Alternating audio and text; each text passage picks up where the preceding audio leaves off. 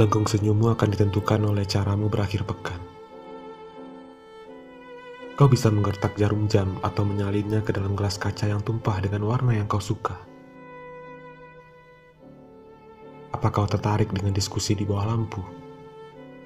Membiarkan malam merekat lagi punggung bulan yang sudah retak, lantaran terlalu sering mengorbit di dalam sajak. Atau kita saja yang pekat, menerobos sekat.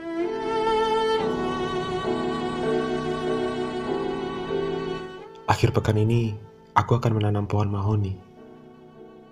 Pohon dan tanaman hanya berbicara bila kau tahu cara menyimaknya. Siapa yang lebih dicintai oleh langit? Tanya bibit mahoni itu. Penyair yang pernah meruntuhkannya di dalam sepasang mata seorang hawa. Atau pelukis yang pernah mengarsir birunya dari air mata haru seorang gadis.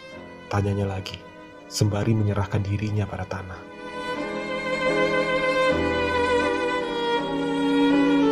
Akhir pekanku sudah biasa dipenuhi pertanyaan-pertanyaan yang butuh segera ditenangkan.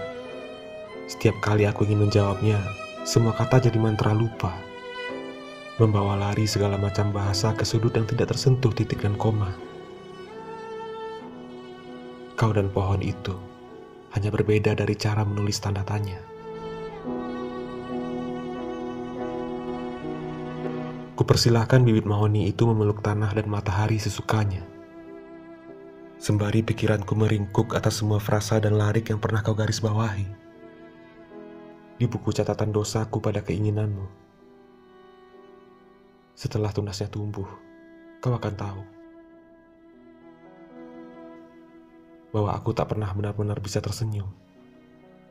Di akhir pekan mana pun. thank you